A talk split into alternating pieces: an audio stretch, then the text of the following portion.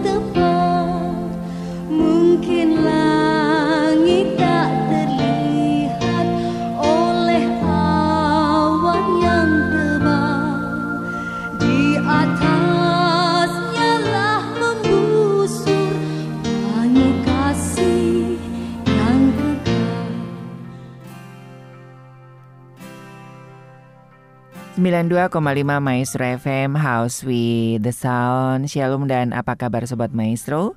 Doa dan harapan kami Anda tetap sehat dan tetap menikmati segala kebaikan Tuhan Mengawali di minggu yang baru ya sesudah kita memperingati Paskah ya. Semoga kebangkitan Tuhan ini juga bisa memberikan semangat dan dorongan ya buat kita untuk melanjutkan perjalanan hidup ya khususnya dalam keluarga yang tentunya dinamikanya cukup banyak banget. Senang sekali kembali program Pelangi Kasih hadir menemani Anda. Hari ini Senin 18 April 2022. Selamat Paskah buat Anda ya. Dan kita akan kembali melanjutkan perbincangan kita. Ini sudah beberapa pertemuan ya Ibu Endang dan Ibu Melda ini sudah ada beberapa yang nanya ya ke mana ya beliau ini. Nah kali ini saya sudah bersama Ibu Endang dan Ibu Melda, konselor dari Lembaga Konseling Keluarga Kreatif Bandung atau LK3 Bandung. Apa kabar Ibu Endang dan Ibu Melda? Baik Pak Ari, tenang ya kita berjumpa lagi juga uh, selamat Paskah Pak Ari, selamat Paskah uh, Sobat Maestro di mana pun uh, berada. Selamat Paskah, kebangkitan Kristus bukti nyata bahwa kita punya kekuatan untuk menang atas dosa ya. Oke, nah Sobat Maestro kali ini kita akan membahas satu tema yang mungkin udah oke okay lah, udah biasa lah. Tapi faktanya dari zaman Adam sampai detik hari ini nih jadi sesuatu yang nggak akan ada beres-beresnya ya. Membesarkan anak. nah, kira-kira ini seperti apa, Bu? Betul ya Pak Ari. Jadi membesarkan anak ini sesuatu yang selalu menarik ya kayaknya hmm, ya Bu Endang hmm. untuk selalu dibahas gitu ya. Iya. Karena gampang-gampang ya. susah. Iya betul. Nah uh, kita mau belajar empat hal nih kiat-kiat mm. membesarkan anak ya. Mm. Nah tapi hal yang penting ya yang perlu kita pahami di awal bahwa uh, membesarkan anak ini sangat penting. Dasarnya adalah hubungan suami istri dulu. Jadi okay. su hubungan suami istri yang baik akan menghasilkan hubungan orang tua dan anak yang baik, begitu kan? Hmm. Nah, hubungan orang tua, an, hubungan orang tua dan anak yang baik, pasti hubungan suami istri, hubungan suami dan istri juga baik. Jadi nah, di, di, nih ya. Hmm. -hmm. Jadi intinya memang segala oh, segala sesuatunya itu dari orang tua ya Bu ya. Jadi apa pun yang diajarkan ketika uh, orang tuanya dalam tanda kutip mengingkari apa yang diajarkan ya hmm. seketika itu juga value-value-nya akan anak jadi bingung ya dan runtuh gitu ya Bu ya. Iya, betul betul Pak Arif. Jadi kalau hubungan suami istri suami dan istri sakit-sakitan gitu ya, apa terseok-seok gitu ya, itu rasanya otomatis ya eh, hubungan orang tua dan anak pun akan sakit-sakitan gitu. Nah, hmm. hubungan orang tua dan anak yang sakit-sakitan, yang terseok-seok, pasti biasanya hubungan suami dan istri pun sedang sakit-sakitan. Hmm. Sakit ini dalam arti gimana Bu? Kan ada suami juga yang pagontok-gontok tuh. Ini juga ada beberapa nah. teman saya gitu, pagontok-gontokan gitu ya. ngedidik anak, jadi anaknya bingung. Iya, karena kembali ya kenapa tadi uh, peran suami istri itu penting karena hmm. membesarkan anak ini uh, jadi tadi ya peran orang tua relasi suami dan istri itu sebenarnya menjadi basic gitu loh okay. fondasi Hmm. Ya, jadi kalau fondasinya nggak kuat, bagaimana bangunan itu begitu? Hmm. Ya, jadi betul harus dimulai oleh uh, kedua orang, orang tua. tua iya. Ini perlu ya. sekali disadari sejak awal begitu. Betul. Jadi kadang kan, ya. kadang ya realitanya kan gitu. Ah, aku sendiri juga bisa kok ya hmm, kan? Mm-hmm. Ya, ketika mungkin suaminya sibuk, begitu ya. Tetapi hmm. sesungguh-sungguhnya adalah dasar utama adalah di dalam hubungan suami dan istri. Hmm. Ya, ya.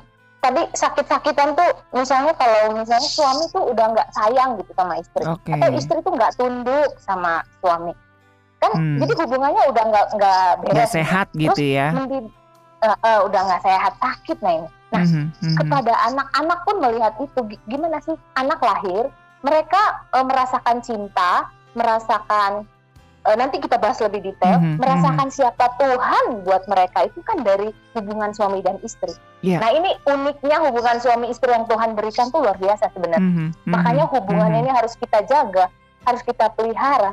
Karena ini sumber apa ya? Sumber damai sejahtera, ya kan Bu Endang ya? Sumber yeah. sukacita, sumber pembelajaran bagi seluruh hidup anak hubungan mm-hmm. suami istri ini. Iya, iya. Ibu Endang dan Ibu Melda juga sering mengatakan hal ini ya. Jadi contoh dan teladan orang tua itu lebih lebih kena begitu ya daripada tata aturan ya. terus segala macamnya begitu kan kita bisa kasih aturan A B C D F G begitu orang dia ya. lihat orang tuanya nggak ngelakuin itu juga ya cuman ah apaan respect ya? respect ya. ter, respect terhadap orang tua respect terhadap dirinya sendiri respect terhadap segala hmm. sesuatunya hmm. juga akan kacau ya hmm. ya betul ya. karena betul. ketika misalnya dalam rumah tangga itu si bapak tidak ditempatkan menjadi pemimpin hmm. sumber sumber pemimpin misalnya segala sesuatu keputusan harus papa yang akan putuskan gitu tapi hmm. misalnya si mama nggak bisa gitu udah mama aja yang mutusin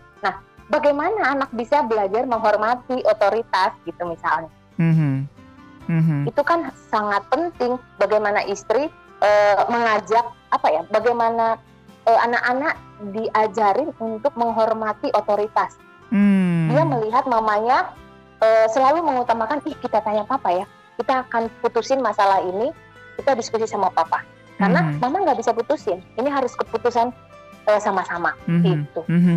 Jadi ya, itu ya. itu mengatakan tadi ya Pak saya uh, memperkuat apa yang Pak Ari katakan di awal bahwa uh, teladan berbicara lebih kuat daripada mm-hmm. sekedar perkataan. Jadi sebenarnya uh, relasi hubungan suami istri itu menjadi display Oke. Okay. Ya, menjadi peraga buat anak, apalagi kita bicara tentang anak-anak kecil itu kan hmm. dia masih belum bisa um, belajar sesuatu yang abstrak, menangkap hmm. sesuatu hmm. yang hmm. abstrak, hormati. Ya, karena masih kecil. Nah itu yeah. yang ya. perlu kita bicarakan. Hmm. Bagaimana sih hmm. menghormati papa, menghormati mama seperti itu. Hmm. Hmm. Nanti yeah. nanti begitu ada kasus kita kita kita kasih tahu gitu ke anak-anak hmm, begini hmm, loh mama hmm, tuh menghormati papa sebagai pemimpin di rumah ini oke okay. misalnya dalam uh, hal apa gitu ya hmm. ini menjadi uh, hal pertama ya bu yang hmm. akan kita bahas ya yeah, iya. tentang yeah. menumbuhkan respect pada orang tua hmm, saya iya. sedikit yeah. uh, koreksi kita ada lima kiat ya Oke, okay, ya. Oke. Okay. Oh, lima ya, Bu ya? Ya, mm-hmm. ya. Jadi Tapi nggak meletus uh, yang hijau ya, Bu ya? Soalnya hati saya sangat kacau Bu kalau ada yang meletus Bu. ya betul lima Bu Endang betul Bu Endang. Ya ya ya jadi uh, tadi kita bicara bahwa membesarkan anak ini memang tidak mudah ya, ya bukan ya, hal ya. sepele. Betul betul. Oleh karena itu dalam pertemuan kita hari ini kita mau lihat coba kita mari kenali trik-triknya hmm. hmm. supaya uh, kita jadi lebih semangat ya sebagai okay. orang tua karena menjadi orang tua kan itu sebuah privilege ya dari hmm. Tuhan ya hmm. dipercayakan milik pusaka Tuhan sendiri kepada kita. Iya, iya. Jadi ya. jadi kalau saya boleh uh, bilang modal dasarnya dari kita men membesarkan anak adalah bagaimana caranya kita menumbuhkan respect anak kepada orang tua, Bu ya. Itu ya modal dasarnya. Kalau anak udah nggak respect respect sama orang tuanya ya masuk telinga kanan keluar ke mana gitu ya. Ya, nah. semua semua aspek dalam hidupnya ya susah jadi respect pada gurunya, gak guru respect. lesnya, ya, ya. ya kepada semua otoritas yang sedang dia jalani di luar sana. Gitu. Mm -hmm. Apalagi kepada Tuhan ya, apalagi kepada ya. Tuhan yang yang yang abstrak yang nggak bisa lihat begitu. Iya, iya. Ini kan iya. dampak ya. dampaknya kan ke banyak hal ya. Ketika anak nggak bisa respect kepada orang tua itu kan juga dia nggak akan respect kepada Tuhan, nggak akan respect pada atasan, nggak akan respect pada dirinya sendiri nggak akan respect pada sesama gitu ya. kan banyak banget kan betul. akhirnya yang terkontaminasi begitu betul ya, karena kan betul. di dalam rumah itu adalah apa ya modelnya apa ya tempat untuk belajarnya tuh ya di rumah gitu mm-hmm. bagaimana kita uh, harus bersikap keluar sana ya di rumah belajarnya. Mm-hmm. Jadi uh, penting sekali ya yang nggak bisa dibilang bahwa udah telat pada saat remaja. Ya memang telat, tapi ya mari mari dari awal gitu. Sejak anak masih kids itu, masih anak-anak, mhm. tumbuhkan mm-hmm. kepada mereka bahwa mereka harus menghormati orang tua. Iya. Enggak yeah. bisa enggak. Karena itu perintah Tuhan kepada uh, kita Misalnya mm -hmm. anak tuh ngelawan, kenapa saya harus taat sama, sama mama papa? Karena itu perintah Tuhan untuk kamu harus lakukan. Kadang-kadang kan mereka ngelawan-ngelawan gitu ya. Kita harus tunjukkan bahwa kita otoritasnya. Gak bisa.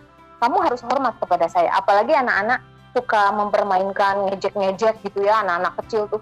Nyanyi gitu. Itu mm -hmm. paling nggak boleh. Mm -hmm. Jangan sampai bersikap begitu gitu.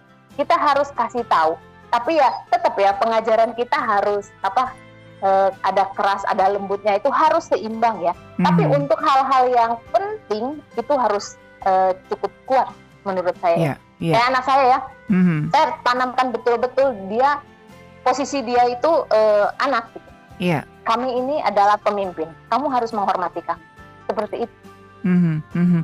Tapi ini ada sesuatu, ini Bu ada beberapa kasus ya. Jadi emang orang tuanya ini sudah menentukan, uh, sudah mengajarkan value-value begitu kan yang seperti Ibu Endang dan Ibu Melda sampaikan begitu. Nah, ketika dalam pertumbuhan anak menuju dewasa, tiba-tiba orang tuanya ya. bercerai, itu kan buat anak itu kan kayaknya terlukanya sangat gimana gitu ya. Buat anak ini apaan sih orang tua gue? Ini ada beberapa teman-teman saya yang anak-anak SMA, anak-anak SMP gitu susah di, di ini. Saya juga baru tahu semalam kenapa ya anak ini begini ya. Terus dia cerita gitu. Ah percumalah ke gereja, percumalah ngomong gini toh papi gue loh Emang kenapa? Ya papi gua, mami gua ngomong begitu tapi akhirnya toh dia cerai juga gitu. Nah, kira-kira gimana Bu untuk uh, sekarang ini kan banyak sekali ya eh, kasus-kasus yang seperti itu gitu ya, bukan hanya di kalangan orang-orang uh, biasa public figure kan juga banyak begitu ya yang uh, dia sangat religius, sangat kuat dalam hmm. menerapkan nilai-nilai ya iman Kristiani hmm. tapi toh dalam perjalanannya juga orang tuanya cerai begitu. Dan ini kan akan menghasilkan anak-anak yang aduh saya nggak bisa ngomong gitu. Jadi apa pun yang saya omongkan itu akhirnya dibantah terus gitu. Itu itu sih sesuatu yang memang real terjadi ya Pak. Iya, iya. Kok tadi ya bicara membesarkan anak. Sesungguhnya relasi hubungan suami istri itu juga sebenarnya sesuatu yang yang tidak mudah, yes, begitu mm -hmm. ya. Mm -hmm. Artinya tidak mudah itu berarti bukannya tidak mungkin ya hmm. bukan mustahil di dalam perjalanan kehidupan kita itu kita bisa menyelesaikannya. Hmm. ya jadi uh, saya kira kalau yang disampaikan Pak Ari apalagi ketika anak menyampaikan itu artinya anak sudah dewasa kan Pak? Iya iya. Ya enggak betul. Betul.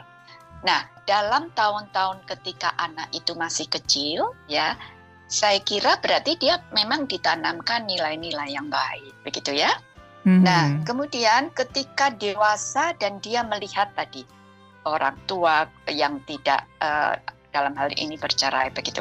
Artinya apa yang sudah ditanamkan orang tua ketika anak-anak kecil. Nah, di dalam permasalahan orang tua yang kemudian tidak bisa diatasinkan, makanya mm-hmm. terjadi perceraian itu, ya enggak? Mm-hmm. Yeah, yeah. Nah, artinya anak-anak juga sedang belajar apa yang sudah ditanamkan kemudian ketika terjadi perpisahan itu anak mulai bingung betul gitu loh mm-hmm. loh mm-hmm. lah selama ini yang diajarkan ternyata ternyata ketika Beda. cerai kan iya berbeda dan oh berarti ya masalah itu apa yang sudah disampaikan itu kan membuat dia bingung gitu loh. Kalau yeah. apa yang sudah disampaikan dari kecil semua dijalani, logikanya artinya di dalam kondisi sulit pun orang tua mau bersama-sama menyelesaikan itu. Mm-hmm. Seringkali masalah itu terus berlarut-larut, larut-larut sampai tidak bisa diselesaikan, Pak. Mm-hmm. Mm-hmm. Ya, tetapi sekali lagi proses pernikahan proses membesarkan anak namanya juga proses yeah. begitu. Yeah. Jatuh bangun itu is okay, itu itu wajar. Tetapi bagaimana ketika masalah itu ada diselesaikan, diselesaikan. Mm -hmm. Nah, anak akan belajar di sana sebenarnya. Iya, yeah. iya. Yeah. Ya, jadi masalahnya bukan masalahnya itu sendiri, bukan konfliknya, bagaimana menyelesaikan itu. Hmm. Sebenarnya itu kan bagaimana mempraktekkan hormat hmm. Hmm. di dalam situasi yang sulit pun gitu. Tapi ya. istri belajar hormat itu kan sesuatu yang satu pembelajaran yang yang penting banget, ya enggak? Iya. Ya. Kalau menurut pandangan saya ya eh, ini orang Kristen baik-baik gitu ya, menanamkan nilai-nilai eh, tentang kebenaran dari kecil sampai dia umur eh, 17-18 akhirnya orang tuanya bercerai. Ya memang fenomena yang terjadi ada dua hal ya Pak ya. Mm. Ada anak yang akhirnya kecewa berat, yeah. akhirnya memutuskan hidupnya yang nggak benar, mungkin akan uh, kuliah nggak nggak beres, ya, terus mm. berhubungan aneh-aneh di luar. Tapi ada juga yang memutuskan uh, tetap benar gitu, tetap mm. baik, dia akan tetap membereskan kuliahnya, dia punya hubungan yang baik, dia nggak mau punya lingkungan yang buruk, dia tetap fokus kepada uh, masa depan gitu ya, masa depan karena dia masih 17-18. Mm-hmm. Tapi tetap ya ada sesuatu yang ada. retak gitu ya dalam ada ya. ada ada sesuatu yang yang terkoyak lah bagaimana sesempurnanya anak ya iya betul sampai ada kita dengar ya sampai ada orang yang punya masalah seperti ini dia putuskan untuk nggak mau nikah mm-hmm. untuk mm-hmm. apa menikah karena menurut dia menikah itu hubungan transaksional ya kan yeah. seperti yang orang tuanya lakukan dia tetap dia punya nilai yang baik sejak kecil makanya dia bisa positif gitu ya. tapi mm -hmm. ada hal yang nggak pas gitu yeah. dia memandang pernikahan itu uh, kurang baik terus dia memandang uh, tujuan hidup itu jadi kurang kurang jelas gitu. Bahwa hidup ini untuk apa sebenarnya gitu. Mm. hanya diisi begitu saja terus meninggal mati udah. Yeah. apakah seperti itu? Nah ini ini masa-masa dia nih masa 17 18 ini masa-masa dia akan mau ke mana? Dan kalau memang dia e, benar-benar bergantung sama Tuhan saya yakin Tuhan akan tunjukkan jalan yang benar kepada dia. Tapi tetap poinnya adalah perceraian itu merusak. Iya iya dan in, dan ini memang uh, ada ada pro dan kontra ya dan ada banyak orang tua orang tua bercerai yang uh, mempunyai trik-trik yang yang yang berbeda begitu ya. Ada yang nggak apa-apa lah demi anak yuk kita pura-pura baik gitu kan. Ya, dan ya, dan bahkan ya. ada beberapa anak-anak uh, didik uh, kami yang yang kami tangani dia bilang uh, Kak Ari katanya papa dan mama saling saling mengasihi saling menyayangi tapi kenapa bercerai? Gitu. Itu kan sesuatu yang aneh gitu. Eh, Mama dan Papa nggak ada masalah, kami saling menyayangi kok. Tapi ada yang nggak bisa cocok lagi, dah gimana dong? Iya kan? Jadi ajaran ya. kasih, saling mengasihi, saling mengampuni. Nah, betul. Aneh betul gitu. Sekali. Betul. Ini yang public figure yang terakhir ini yang kita bicarakan. Iya. Ini ibu bapaknya benar-benar nggak mau ngobrol, benar-benar hate aja, benci aja satu sama lain, dan iya. nggak pengen ketemu. Iya. Nah ini dan itu iya, iya, Bu. ironisnya kan uh, merasa baik-baik saja gitu ya. Atau anak juga baik gitu Mm-hmm, mm-hmm. Tetapi sesungguhnya itulah ladang tempat yaitu di dalam keluarga anak-anak belajar. Anak-anak yeah. akan tumbuh seperti apa sebenarnya juga sadar atau tidak sadar sih diakui atau tidak diakui gitu ya. Mm-hmm, Itu menunjukkan pembentukan itu terjadi ketika dia Betul. ada di dalam keluarga, ketika di yeah. masa khususnya ketika anak-anak tidak punya kuasa ya. Mm-hmm. Orang yeah. tuanya mau kayak apa aja ya mau nggak mau seketika anak yeah. dia menerima. Iya. Yeah. Oh mm-hmm. bapakku kalau benci tinggalin aja gitu ya nggak ada maaf kok sama mama gitu ya itu ya bu ya. Mm-hmm. Nah dia yeah. pun akan seperti itu ke depannya. Iya, iya, iya. Jadi seperti itu yang memang terjadi tapi sekali lagi kita kan mau semangat kan membesarkan mm-hmm. anak begitu ya mari iya, kita coba melihat uh, beberapa trik supaya kita lebih semangat kalau kita mm-hmm. lihat beberapa contoh di luar kecilkan hati kita yeah, sebagai yeah, orang tua ya Ros. Iya, yeah, Oke, oke. Betul, Bu. Ya, Tapi jadi ini juga bisa pertama, jadi warning ya, Bu ya sebagai orang betul. tua ya. Yes, yes, yes, Pak. Itu tetap ya kita akan uh, perhatikan, tapi mm -hmm. yuk mhm. kita coba lihat mm -hmm. ya. Mm -hmm. Jadi yang pertama hal yang kita perlu perhatikan menumbuhkan respect, respect. pada orang tua. Yeah. Ya, itu menjadi dasar tadi. Mm -hmm. Ya, karena itu yang juga diajarkan, diminta Tuhan ya. Hormatilah ayahmu dan ibumu. Tadi Bu Melda mengatakan itu suatu perintah penting ya. Karena hmm. apa? Ada janji Tuhan di sana. Iya. Ini yang uh, perlu dipahami dan orang tua kenapa perlu mengajarkan orang tua yang sungguh mengasihi anak tentu Sekian anak ingin anak-anak bahagia juga ya eh. di sana ada janji berbahagialah dan panjang umurmu di bumi mm -hmm. itu mm yang perlu dipahami dulu yeah, pak yeah. ya uh-huh. jadi itu yang menjadi dasar ya pak ya mm -hmm. karena mm -hmm. sekali lagi tadi yang disampaikan anak belajar sih dari orang uh, tadi menumbuhkan respect pada orang tua itu juga nanti diwujudkan ketika dia menghormati orang lain yeah, yeah. ya kemudian juga uh, menjadi dasar orang tua menanamkan nilai-nilai. Betul, Ketika betul. anak respect, kalau anak tidak yeah. respect kan tertutup ya pak ya. Mm-hmm, Jadi mm-hmm. tujuannya dengan dia hormat, dia menghargai apa yang disampaikan orang tua itu penting. Mm-hmm. Dan yang ketiga ya tadi bahwa uh, menjadi satu pembelajaran anak juga menghormati Tuhan. Mm-hmm, itu mm-hmm Iya, pertama. Ya. Iya. Ini memang ya. golden rule ya, menghormati orang tua apa pun keadaannya. Uh, ini ada ya. beberapa ada beberapa kesaksian begitu Bu ya. Uh, ada ada teman yang udah dewasa begitu. Jadi dia dalam tanda kutip maaf nggak dapat berkat gitu. Susah kerjanya, susah usahanya, susah begitu. Terus akhirnya ngomong-ngomong, hmm. bagaimana hubunganmu dengan orang tua? Nggak pantas dihormati, papi, mami nggak pantas dihormati. Hmm. Coba firman Tuhan bilang hormati orang tuamu itu apa pun keadaannya, mau orang tuamu jengkelin, nyebelin, tetap hormati, lihat berkat Tuhan dicurahkan. Itu berat bu, dia latihan untuk mengampuni orang dan itu bener loh bu.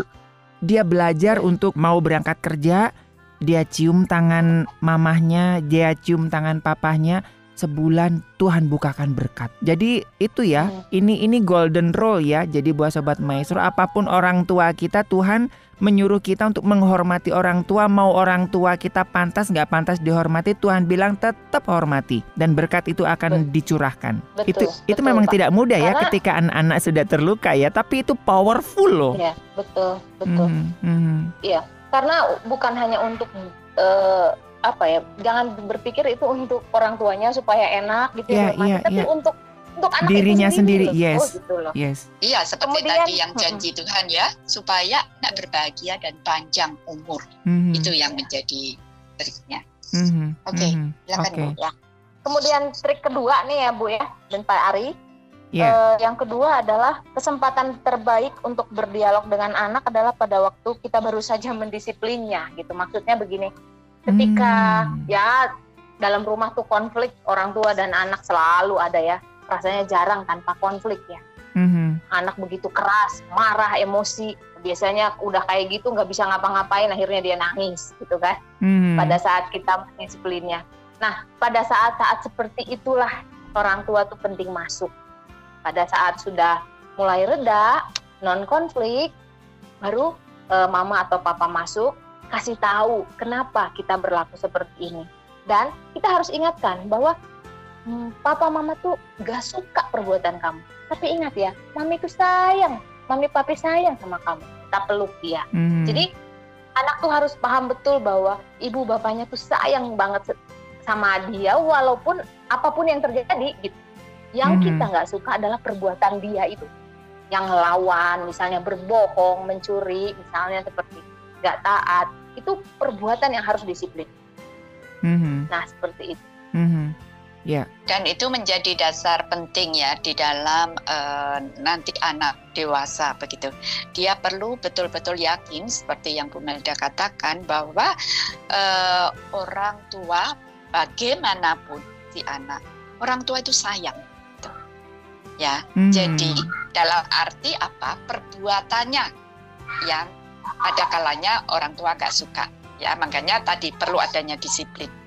Tetapi uh, anak perlu yakin bahwa orang tua sayang kepadanya. Dan ketika tadi ada konflik, ada yang perlu disiplin, saat itulah kita orang tua perlu masuk ya kepada anak untuk meyakinkan bahwa orang tua mengasihi dia. Mm-hmm. Ya, karena yeah. yang sering terjadi anak emosi ya orang tua ikut emosi, betul. Pergi, okay. tinggalin, gak ada penyelesaian. Nah itu okay. yeah. harus dihindari. Juga. Ini harus ya. diingat ya bahwa ini adalah dialog ya, bukan monolog ya. Bukan prolog ya. dan juga bukan puisi ya. Pokoknya papa maunya begini, mama maunya gitu. Pokoknya, pokoknya itu bukan dialog ya. ya Ultimatum tuh ya. Ini kan ya. banyak Bu anak-anak katanya, ayo ayo dialog gitu kan. Ada dialog hmm. gitu. Mau mau apa gitu. Nggak bisa. Mama maunya begini gitu kan. Ya udahlah, gue ikut ikutin mama papa gitu. Jadi ada teman saya yang sampai depresi loh, Bu, gitu. Dia hmm. kepingin jadi chef, hmm. mama papanya kepingin hmm. anaknya itu itu jadi IT gitu. Akhirnya depresi, depresi tiap bulan sekarang ke psikiater, gitu. Depresi. Iya, oke. Okay. Ya, tadi ya pokoknya karena itu tadi ya sebenarnya anak akhirnya nurut sebenarnya, yeah. tetapi bukan maunya ya Pak yeah, dalam yeah. kondisi tekanan kan sebenarnya. Mm -hmm. Ini penting ya, loh ya. Jadi bukan keinginan dia sendiri mm -hmm. sebenarnya mm -hmm. untuk nurut. Iya, iya. Iya, ya. menumbuhkan dialog Apalagi ini karena... ya kuncinya ya sebetulnya setelah respect dan menumbuhkan dialog itulah. Iya, justru tadi ya Pak e, menumbuhkan dialog dari mana tadi respect. ketika habis disiplin yeah. tadi ya Pak. Iya, Kemudian yeah, yeah. perlu kita memberi uh, ruang kepada apa perasaan anak. Biasanya mm -hmm. gini ketika anak disiplin kan pasti uh, perasaannya marah, sedih, mm -hmm. seperti itu kan yang sering yeah, kali yeah, ya. Yeah, yeah. Nah, kalau tadi menghindari bukannya orang tua ikut kemudian marah, kesel begitu. Tapi kita perlu menolong anak untuk menyadari perasaannya tadi. Mm -hmm. Misalnya habis kita marah ya karena kesalahannya, orang tua bisa bertanya, bagaimana perasaan kamu? Ya. Ya. ya. Jadi perlu uh, validasi perasaan anak. Ya. Nah, ya. dari perasaan baru masuk begitu. Mm-hmm. Ya, ketika anak diterima. Jadi anak tidak menekan karena ya. tekanan-tekanan itu sepanjang hidupnya tinggal menunggu bom waktu biasanya. Apalagi tadi ya bicara tentang remaja 17 18 tahun ketika orang tua bercerai dan segala itu hanya tumpukan-tumpukan tekanan hmm, sebenarnya. Hmm, hmm. Iya, Ibu Endang juga sering singgung ini ya memvalidasi perasaan anak ya. Karena gini orang tua kadang-kadang ketika mendisiplin anak terus ah gitu aja ngambek ayo ngambek lagi gua tambahin hukumannya gitu kan. Iya. Iya kan? Iya, iya. Okay. Nah, ini ini keren ya, banget loh. Mas, ya, memberikan ruang mas, Iya, iya Bu Melda. Iya ya, gimana? gimana Pak memberikan ruang? Iya, memberikan ruang kepada anak ketika didisiplin dengan perasaannya itu kan gitu. Gitu aja ngambek, ayo ngambek gua tambahin hukumannya gitu kan. Ya ilah. Jadi makin sudah jatuh ketimpa tangga di bawah banjir gitu kan. Nah, ini ya, itu. ini ini sesuatu yang jarang dilakukan oleh orang tua ya, Bu ya.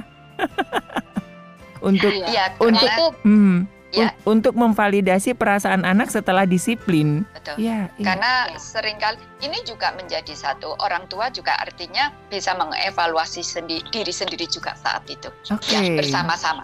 Misalnya uh, bagaimana perasaan kamu? Kamu marah ya tadi ya. Nah, orang tua juga menjadi satu kesempatan Pak bicara. Hmm. Iya, mama juga sedih loh. Tadi harus uh, apa melihat kamu melakukan itu. Hmm. Nah, keterbukaan itu bisa dimulai dan ini perlu dilatih yeah, sepanjang yeah, yeah. kehidupan anak sehingga anak uh, bertumbuh juga untuk berani menyampaikan perasaannya tidak selalu menekan begitu mm-hmm. ya itu dan, kemudian nanti tumbuh dewasanya lebih lebih apa ya bisa menjadi diri sendiri apa yeah, adanya yeah. dan mm-hmm. kalau yang Bu Endang sampaikan tadi dilakukan ya hubungan orang tua dan anak tuh makin kuat gitu. Yeah, Betul. Mereka yeah. tuh makin saling percaya. Oh, aku percaya kepada mama papa. Mereka sayang yes, aku. betul. Mm -hmm. Mm -hmm. Nah ya. itu kan target sebenarnya harus mempercayai orang tua. Jadi ketika nanti dia remaja ada begitu banyak informasi, ada hubungan, omongan-omongan yang lain, mereka lebih percaya kepada uh, orang tuanya daripada yang di luar. Mm-hmm. Itu kan target kita. Iya, iya, iya, betul, betul. Dan itu menjadi betul-betul menjadi basic yang kuat di dalam diri anak sebenarnya. Mm-hmm. Ya. Mm-hmm. Mm-hmm. Karena nanti dia akan beru ketika dia besar, dia di sekolah, dia bertemu dengan banyak orang yang belum tentu uh, setuju dengan dia kan juga hmm. uh, dengan nanti sudah bekerja, sudah berkeluarga. Jadi ini menjadi, menjadi basic sebenarnya dalam pembentukan anak. Mm-hmm. Ya betul. Mm-hmm. Yeah. Kemudian kita masuk ke kiat ketiga nih ya, Bu yeah. Endang, yeah. Pak Ari. Nah, ini kendalikan anak tanpa berteriak-teriak ini mirip-mirip lah ya. Jadi wah ini kalau, ini nggak mantep bu, ya, nggak asik bu. Karena kayak makan itu nggak ada saya, sambal, Bu. Kadang-kadang capek juga Pak teriak-teriak dan rasanya teriak-teriak itu adalah pancingan ya. Apa mereka hanya mancing-mancing. Mm-hmm. Mereka itu saya udah ngerasa itu hanya kiat-kiat dia nih anak pinter nih sampai sampai kapan nih teriaknya gitu loh mm-hmm. dia nunggu-nunggu kapan puncaknya gitu yeah, main-main yeah. nih anak-anak nih jadi daripada teriak-teriak jangan deh kalau kita suruh kamu nanti jam 2 tidur siang ya. Wah mulai ribut nggak tidur siang. Dia nggak mau juga udah teriak-teriak. Kamu daripada teriak-teriak mendingan gini aja. Kalau nggak tidur siang ambil ambil apa yang dia suka. Apa yang dia suka. Dia tuh biasanya suka ngobrol sama temennya habis sekolah. Mm-hmm. uh, di Google Meet gitu kan. Namanya covid ya jadi nggak bisa ketemu kan. Jadi ketemunya di Google Meet. Habis sekolah bikin link sendiri. Kalau nggak tidur siang nggak boleh ketemu temen ya dua hari hmm. misalnya atau nggak boleh uh, apa waktu untuk main game yang dikasih satu hari itu dihapus misalnya hmm. pokoknya ambil apa yang dia sukai gitu itu pasti pasti uh, sakti lah itu hmm. Hmm. biasanya sakti jadi daripada kita teriak-teriak ajarkan seperti itu jadi kendalikan anak tanpa teriak Aduh, ini belajar mengendalikan anak berarti hmm. dimulai dengan bagaimana orang tua mengendalikan, mengendalikan diri. Yeah. Ya kan? Iya. Yeah. Ketika kita terpancing dengan emosi anak, kita ikut emosi, bagaimana kita menolong anak mengendalikan dirinya? Iya. Yeah. Ya sekali lagi mulailah dari diri sendiri jadi teladan. Memang ya memang tidak mudah begitu yeah. ya. Tapi yeah. sekali lagi itu proses Artinya sebenarnya proses membesarkan anak itu adalah satu proses pembentukan diri kita sendiri sebenarnya. Iya. Saya ya. saya ingat hal ini ya ketika saya awal-awal jadi guru ya, Bu ya. Di Jakarta itu kan anaknya bandel, ribut, rame gitu. Saya teriak, "Diam, jangan berisik, teriak-teriak." Bapak yang berisik, Bapak yang teriak-teriak. Oh iya ya. Dengan teriak beres semuanya ya. Kadang kita mikir gitu loh, padahal iya. itu nggak pas loh, nggak nggak iya. tepat. Kita It, pikir dengan emosi yang meluap meluap dia jadi takut, padahal iya, enggak, dia iya bener loh bu. Mancing. Anak, itu bahasa saya. Ini juga ya. sebenarnya bicara area kontrol influence ya. Hmm. Nah, ketika kita berteriak-teriak itu kan sebenarnya kita berharap kita bisa mengendalikan anak ya enggak? Okay. Ya. Ya, ya, ya. Tapi itu menjadi kesempatan untuk belajar sebenarnya. Oh, cara kalau kita konflik, kalau kita menolong orang kayak gitu ya, kita teriak-teriak gitu loh. Padahal kan ya, iya itu kan tidak betul gitu loh. Jadi daripada kita sadar bahwa kita nggak bisa mengendalikan anak dengan cara seperti itu. Tetapi ada area influence, hal yang kita bisa pengaruhi anak. Artinya kita perlu tenang diri sendiri dulu. Iya. Karena ketenangan kita itu menjadi kekuatan sebenarnya, ya. Ya. Ketenangan kita men menimbulkan ide gitu ya Bu ya. Gimana betul, nih betul. solusinya supaya aku nggak keteriak tapi dia taat gitu kan? Betul, betul. Ya, jadi ya sekali lagi orang tua belajar dan ada satu buku yang mengatakan proses membesarkan anak itu menjadi satu apa ya perjalanan yang menumbuhkan kedewasaan dan kerohanian orang tua sebenarnya. Sama-sama ya. bertumbuh ya Bu. betul dan itu menjadi satu apa ya kita itu uh, kayak menjadi kayak seperti di akuarium ya orang hmm. tua ketika membesarkan anak karena uh, kita akan menjadi mau tidak mau menjadi diri sendiri apa adanya integritas kita itu dipertaruhkan sebenarnya hmm. karena kalau kita di luar ya kita bisa tetap bersikap manis kan walaupun dalamnya kita marah gitu hmm. ya tetapi dengan anak, artinya mau tidak mau kita perlu menjadi diri sendiri, bertumbuh. Karena sekali lagi anak sedang mengamati kita. Iya. Ya, dari situ anak belajar bagaimana kehidupan itu sesungguhnya. Besarin anak tuh ya nggak bisa teori-teori seperti yeah. ini.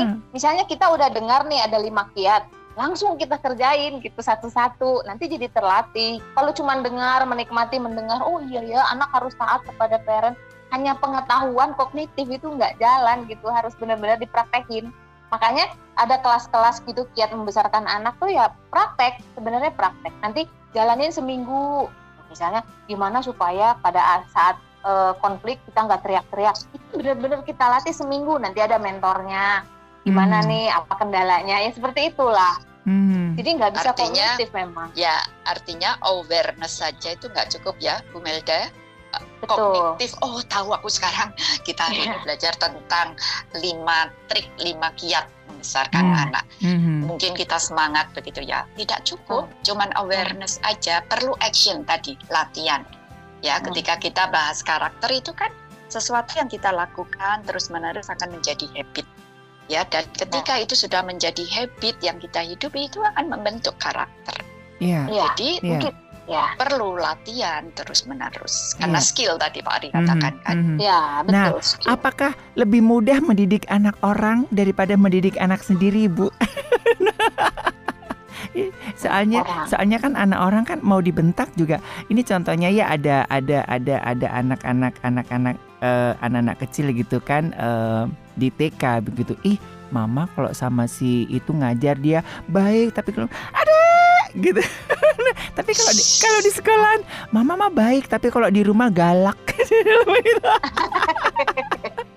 nah, itu ya, kan ada beberapa Justru itu tadi Pak uh -huh. yang saya bilang integritas kita itu dipertaruhkan gitu ya. Uh -huh. Kalau tadi yang Pak Ari katakan anak orang atau orang lain, kita kayak bisa jaim ya. -huh. hmm, tapi yeah. dengan anak sendiri itu tidak dong. Ya. Karena kita mengasihi ada ayatnya ya Bu ya karena ya. kita ya. mengasihi maka mereka kita hajar. iya kalau anak orang langsung masuk masuk bui gitu kan.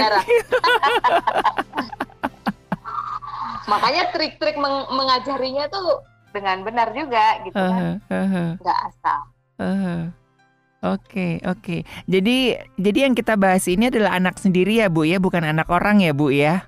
Kita Tapi kita batasin. Apa maksudnya ininya prinsipnya tetap iya, sama yeah, yeah, gitu. Mm-hmm. Karena ketika kita menyadari anak sendiri atau orang, dia anaknya Tuhan kan, begitu. Mm. Ya, itu prinsipnya tetap sama apalagi belajar namanya integritas gitu loh. Nah, artinya uh, ketika anak sendiri itu mungkin saya rasa jauh lebih sulit kan iya, sebenarnya. Iya, iya, iya. Ya, nah itulah uh, menjadi Sekali lagi, ketika di, di tengah-tengah keluarga, keluarga adalah unit terkecil ya mm-hmm. yang uh, diinisiasi atau diinisiatifi oleh Tuhan sendiri. Mm-hmm. Di situlah kita belajar, mm-hmm. kita bertumbuh menjadi pribadi yang lebih baik begitu. Nah, ketika kita belajar, uh, kita belajar, anak juga belajar. Ketika kita menghadapi orang lain, tentunya rasanya ya benar nggak ini lebih akan lebih mudah begitu loh mm-hmm. ya ya kan yeah. kalau dengan orang lain itu tadi loh pak kan kita bisa jain gitu. mm-hmm. kalau di rumah mm-hmm. nggak bisa yeah, sulitnya yeah, itu yeah, jauh di yeah, rumah yeah, sebenarnya betul betul betul mm. betul ya. betul itu menjadi modal kayak tadi belajar tentang menumbuhkan hormat kenapa itu penting sehingga dengan situ anak bisa menghormati orang lain bisa menghormati Tuhan hmm Demikian mm-hmm. juga orang tua. Bagaimana kita uh, ini poinnya kan bagaimana menghargai anak kan iya, sebenarnya. Yeah, yeah, yeah, hmm. Itu nggak mudah loh buat seorang tua mm-hmm. menghargai mm-hmm. anak. sebagaimana sesungguhnya anak itu berada bahwa anak itu berharga buat Tuhan karena itu anak-anaknya Tuhan sendiri Mm-hmm. Mm-hmm. Oke, okay. iya. Kita okay. juga perlu respect ya, yeah. respect terhadap anak. Mm-hmm. Iya. Yeah. Padahal mm-hmm. sebenarnya pembentukan itu harus sejak dini. Ya. Yeah. Karena itu pondasi-pondasi mm-hmm. yang akan terbentuk ke depannya. Mm-hmm. Dia, dia udah orang loh. Cuman yeah. bagaimana kita membentuknya. Mm-hmm. Nah, ini mm-hmm. yang sangat okay. penting gitu. Oke. Okay. Kemudian yang keempat nih ya, yang keempat uh, kiat-kiat membesarkan anak tuh uh, jangan limpahkan anak dengan materi, gitu ya. Mm-hmm. Jadi ya kadang kalau kita keuangan kita sedang sulit, kalau anak uh, ingin sesuatu dengan gampang ya kita bilang ah mama belum punya duit ya, nah, itu kan gampang. Tapi mm-hmm. ketika kita sudah punya duit, terus anak ingin sesuatu, ya apalagi yang mau kita katakan ya kita ada kok duitnya ya bisa dengan gampang kita beli. Nah, e, biasanya tantangannya adalah ya seperti itu. Kadang akhirnya solusinya kita bilang e, ini terlalu mahal gitu misalnya. Dia mm-hmm. mau beli mainan apa? Ini mahal sekali, jangan ya. Akhirnya mereka terbiasa. Oh, kalau mahal berarti nggak boleh beli ya. Gitu. Nah, akhirnya mereka kan pinter kan. Oke, kalau mahal nggak bisa, aku cari ah harga-harga yang murah gitu kan. Nah, ini nih mah murah nih, beli ya mah padahal di rumah mainannya banyak nggak harus hmm. beli juga gitu kan nah alasan apa lagi nih orang tua nah ini ya ini penting ya untuk ngajarin anak-anak bahwa nggak semua hal harus dibeli gitu. Yeah. dia pun harus menghargai mainan-mainan yang ada di rumahnya. Jangan semua beli apa yang dia suka beli. Terus yang kemarin udah dibuang jadi nggak dihargai gitu kan? Nah eh, anak tuh harus diajarin eh, menghargai apa yang dia miliki gitu. Nah kalau misalnya dia naik kelas atau dia lulus ujian renang atau piano nanti ya uh, mami beliin apa yang kamu mau. Nah itu lebih baik daripada semua hal yang dia inginkan kita kasih jadi dia kurang menghargai dan hmm. dia uh, kurang apa ya kurang menghormati akan satu pengorbanan gitu ya bahwa untuk mendapatkan sesuatu itu gak mudah loh harus yeah. ada ada usaha yang harus dilakukan Nah, anak harus dididik sejak dini untuk mengerti hal itu. Hmm. Usaha, Usaha juga ya, ya. pengendalian diri gitu loh. Hmm. Bagaimana ketika ada keinginan, tetapi maksudnya uh, bisa mengendalikan diri tentang prinsip pengorbanan. Ya, ketika menginginkan sesuatu perlu ada upaya. Mm -mm. Gitu. Iya, iya. Ya, itu ya. menghargai apa yang yang ada begitu. Jadi artinya jangan hmm, sekalipun kita punya uh, materi tadi bicara tentang materi ya di sini hmm. Intinya mau mengajarkan anak juga uh, apa menghargai milik ya. Juga pengendalian diri. Tidak apa ya hmm, sering kali anak ini loh terlalu gampang apa-apa ada. Ya yeah, hmm. ya. Yeah Apalagi sekarang ini kan lagi lagi zamannya flexing ya Bu ya. Pamer-pamer hmm, gitu ya, betul, betul. Ini kan bahaya banget gitu kan buat anak-anak padahal itu kan uh, di satu ya oke lalu kaya tapi nggak sebegitu nggak sebegitunya gitu. Jadi kan buat iya. anak-anak buat anak-anak ini ada beberapa loh Bu yang ah aku malu ada papa miskin gitu kan itu kan buat saya kan nonjok hmm. banget gitu kan dan itu papanya tuh sampai nangis loh ada anaknya malu Waduh. jadi papanya jadi tukang ojek online nggak kayak itu tiap hari uh, di TikTok, di Facebooknya pamer barang-barang mewah gitu kan. Ini kan juga bahaya banget loh sebetulnya ya dengan iya. gaya hidup yang kakak gini gitu. Iya. Hmm, iya. Kalau kita membatasi apa yang mereka inginkan tuh sebenarnya kita bukan menyengsarakan mereka iya, loh. Iya. Kadang-kadang kan orang luar ngelihat uh, orang tua yang punya prinsip seperti ini memandangnya ih itu orang tuanya kok kayaknya ini banget sih sama yeah. anaknya yeah. tanpa melihat gitu. Sebenarnya kita sedang uh, menolong anak-anak ini supaya mm -hmm. nanti ke depan dia bertanggung jawab menghargai menghormati ada pengorbanan untuk mendapatkan sesuatu gitu. Nggak nggak diperoleh dengan seenaknya semudahnya dengan cara yang nggak tepat. Nah iya yeah, iya. yeah. kadang ya terus terang saya ya saya saya nggak mudah untuk memberi gitu. Tapi mm orang luar kadang melihat kok gitu sih? Ada tapi kok gitu ke anaknya? gitu Ya yeah. kan iya. itu orang luar yang melihat, tapi saya sedang mengajarkan dia sesuatu sebenarnya. Iya, hmm. itu tentu nggak mudah. Nggak ya, mudah, iya, iya. Tidak Sa mudah. Sama kan kalau artinya mm-hmm. buat orang tua juga bergumul ya satu sisi kan pengen dong anaknya juga menikmati begitu ya, tetapi tentu dalam hal ini orang tua tahu yang terbaik. Iya, iya. Ya, Mm-hmm. Dan itu bicara seperti yang kita bicarakan sebelumnya, investasi ya, investasi mm-hmm. dalam mm-hmm. pendidikan anak-anak itu, sehingga nanti ya ke anaknya bisa, anaknya berarti kan sudah dewasa ya Pak, bisa seperti mm-hmm. itu, mm-hmm. bisa menghargai. Itu kan tidak hasil yang istilahnya ujuk-ujuk aja seperti yeah. itu. Yeah. Itu hasil uh, tanaman dari kecil, mm. ya. Yeah. Dan ini kan juga menumbuh dipelajari menumbuhkan daya juang anak ya. Itu kan saya punya teman tuh Pak, kayak mm -hmm. gitu juga. Iya. Ya. Jadi dia mengajar anak bekerja dari masih kecil gitu ya ditinggal aja. Tiba-tiba di dia tungguin di luar.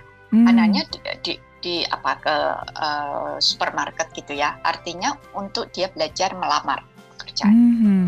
Ya. Jadi kemudian uh, orang tua ini bilang kalau nanti dia meninggal, semua harta-harta itu akan diwariskan. Misalnya untuk ke panti asuhan, mm-hmm. panti-panti sosial gitu ya. Nah, anak-anak harus bekerja. Mm-hmm. Ya, luar biasa loh itu. Itu iya. nggak yeah. mudah sih Pak. Mm-hmm. Tetapi mm-hmm. maksudnya dia mau tanamkan itu yeah, daya yeah. juang, ya dengan berusaha. Tapi anak-anak menghargai mm-hmm. apa yang diajarkan orang tua yeah, seperti yeah. itu. Betul, betul, betul. Sebenarnya itu kan maksudnya, bukan bukan kejam dan menyengsarakan anak seperti yang Bu Melda tadi katakan. Mm -hmm. Mm -hmm. Justru bukankah itu nilainya jauh lebih sekedar harta yang diberikan? Yeah. Daya juang tadi yang Pak Ari bilang. Mm -hmm. Se sebetulnya kan kita kan juga punya teladan ya Tuhan Yesus sendiri ya dia kurang apa begitu ya? Dan ditinggalkan buat iya, kita ya Pak. Ditinggalkan buat kita. Dia butuh makan tinggal aja klik dapat tinggal disalib, uh, gua disalib, gua panggil aja sampai ditantangin kan gitu kan. Katanya lu anak hmm. Allah, panggil tuh malaikat-malaikat sorga gitu. Kalau saya yang jadi Tuhan Yesus, lu, lu nantangin gua, oh, serius lu. Ya. apa kabar? bukan, bukan, apa kabar bukan dunia? Ya. Apa kabar saya gitu? ya. Lu pengen tahu bapak gue yang punya semesta?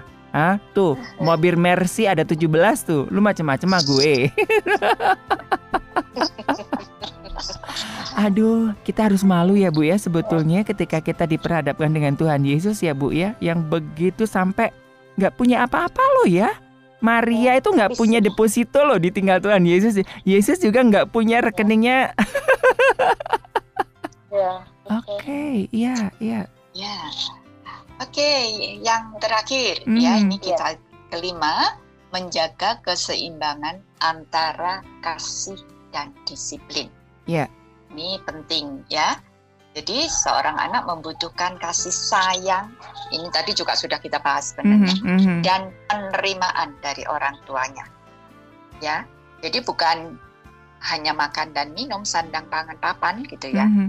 Itu penting, tetapi perhatian atau kasih sayang, penerimaan, sebagaimana anak ada itu, itu menjadi fondasi yang tuh kuat untuk uh, anak menghargai dirinya sendiri, mengasihi dirinya sendiri, menerima diri apa adanya.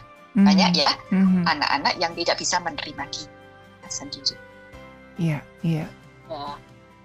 Mm-hmm. Jadi ya. anak perlu kasih karena ya sebenarnya kebutuhan manusia kan dikasihi gitu ya nah dia harus mendapatkan itu dari orang tuanya sehingga dia fulfill dia penuh dan tapi dia pun perlu didisiplin yeah. supaya dia e, bergerak dalam kerangka yang benar mm dalam ruang mm yang hmm. benar jadi nggak liar bahkan kepada dirinya sendiri gitu kadang diri sendiri pun menjadi masalah kan karena tidak didisiplin gitu Betul, Bu. Ada pemberontakan dari dalam gitu. Nah, itu orang tua harus seimbang antara kasih dan disiplin itu. Mm -hmm. Nah, akhirnya contoh Tuhan Yesus lagi ya. Bagaimana seorang uh, Allah yang begitu suci tapi uh, mengasihi kita, tapi kita semua harus berdisiplin gitu. Mm -hmm. itu kan bagaimana bertemunya kas dan apa dan penghukuman bersatu itu kan Ya, jadi di sini meng, mengatakan bahwa disiplin itu menjadi bagian dari kasih. kasih. Karena ya. mengasihi ya didisiplin gitu loh. Mm-hmm. Ya, tidak membiarkan tadi jadi liar yang disampaikan Bu Melda tadi. Ya, jadi sangat penting uh, kasih dan disiplin itu berjalan yeah. bersama-sama. Mari kita praktekkan gitu ya bersama, mm-hmm. bukan hanya pengetahuan mm-hmm. bisa dikerjakan di rumah. Oke. Okay. Aduh ini. Ya karena ya. sesungguhnya kan tanggung jawab atau panggilan yang utama itu memang kepada orang tua ya. Mm-hmm. Guru mm-hmm. sekolah minggu, guru di sekolah itu jadi uh, lengkap ya pendidikan itu. Tetapi yang adalah pertama dan pertama adalah orang tua. Mm-hmm. Iya, iya, iya. Tapi ini sering kali kebalik ya ketika ada anak bermasalah, siapa guru sekolah minggunya? siapa guru SD-nya hmm. gitu. Padahal sebenarnya mitra ya semuanya itu kan mitra yeah, orang yeah, tua guru. Iya. Oke, ini kayaknya seru ya kalau semakin digali begitu ya. Nah, kira-kira Ibu Endang dan Ibu Melda ada yang apa yang bisa kita simpulkan dari perbincangan kita yang uh, ngeri-ngeri sedap ini, Bu? oh, dari saya ya, tatkala anak menantang memberontak, menangkanlah tantangan itu dengan meyakinkan ketika anak bertanya siapa yang berkuasa di rumah kita dia bahwa kita orang tua yang berkuasa di rumah ini terus saat ia bergumam siapa mengasihi saya dekatlah dia dalam pelukan dan penuhi dia dengan kasih sayang perlakukan anak dengan respek dan penuh penghargaan tuntutlah perlakuan yang sama darinya itu Pak Arif Oke, dari Ibu Endang? Ya, saya melengkapi dengan apa yang disampaikan pasal 26 ya. Didiklah orang muda menurut jalan yang patut baginya. Maka pada masa tuanya pun ia tidak akan pulang daripada jalan itu. Mendidik ini arti bukan saja sekedar mengajarkan. Lakukanlah kita sebagai orang tua setelah itu menjadi uh, sarana, menjadi alat peraga bagaimana anak uh, menjadi pendidikan di masa anak-anak itu menjadi dan anak-anak bagaimana harus hidup. Pada masa tuanya pun mereka tidak akan menyimpang dari itu. Demikian Pak Ari. Oke, iya. Oke, ya Sobat Maestro semoga ini bisa menjadi apa namanya ya kita pembelajaran bersama begitu ya. Jadi kami tidak menggurui tetapi ini adalah uh, sebagai pengingat begitu ya. Memang tidak mudah tetapi bukan berarti tidak bisa dan memang kita membutuhkan sinergi ya dari orang tua, dengan lembaga pendidikan, bahkan juga dengan siapa pun di sekitar kita. Kita butuh orang sekampung dalam membesarkan anak-anak kita, begitu ya. Itu kalau dari Hillary Clinton, begitu ya, dibutuhkan orang sekampung untuk membesarkan anak-anak kita. Oke, sekali lagi Ibu Endang dan Ibu Melda terima kasih buat kesempatannya mengingatkan kami sebagai orang tua di kesempatan kali ini. Ya, terima, terima kasih Pak Ari.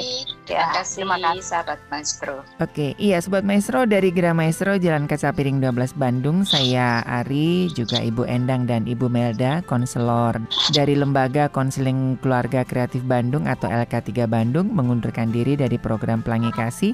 Kita akan ketemu lagi di program Pelangi Kasih selanjutnya. Tetap jaga protokol kesehatan dan Tuhan memberkati.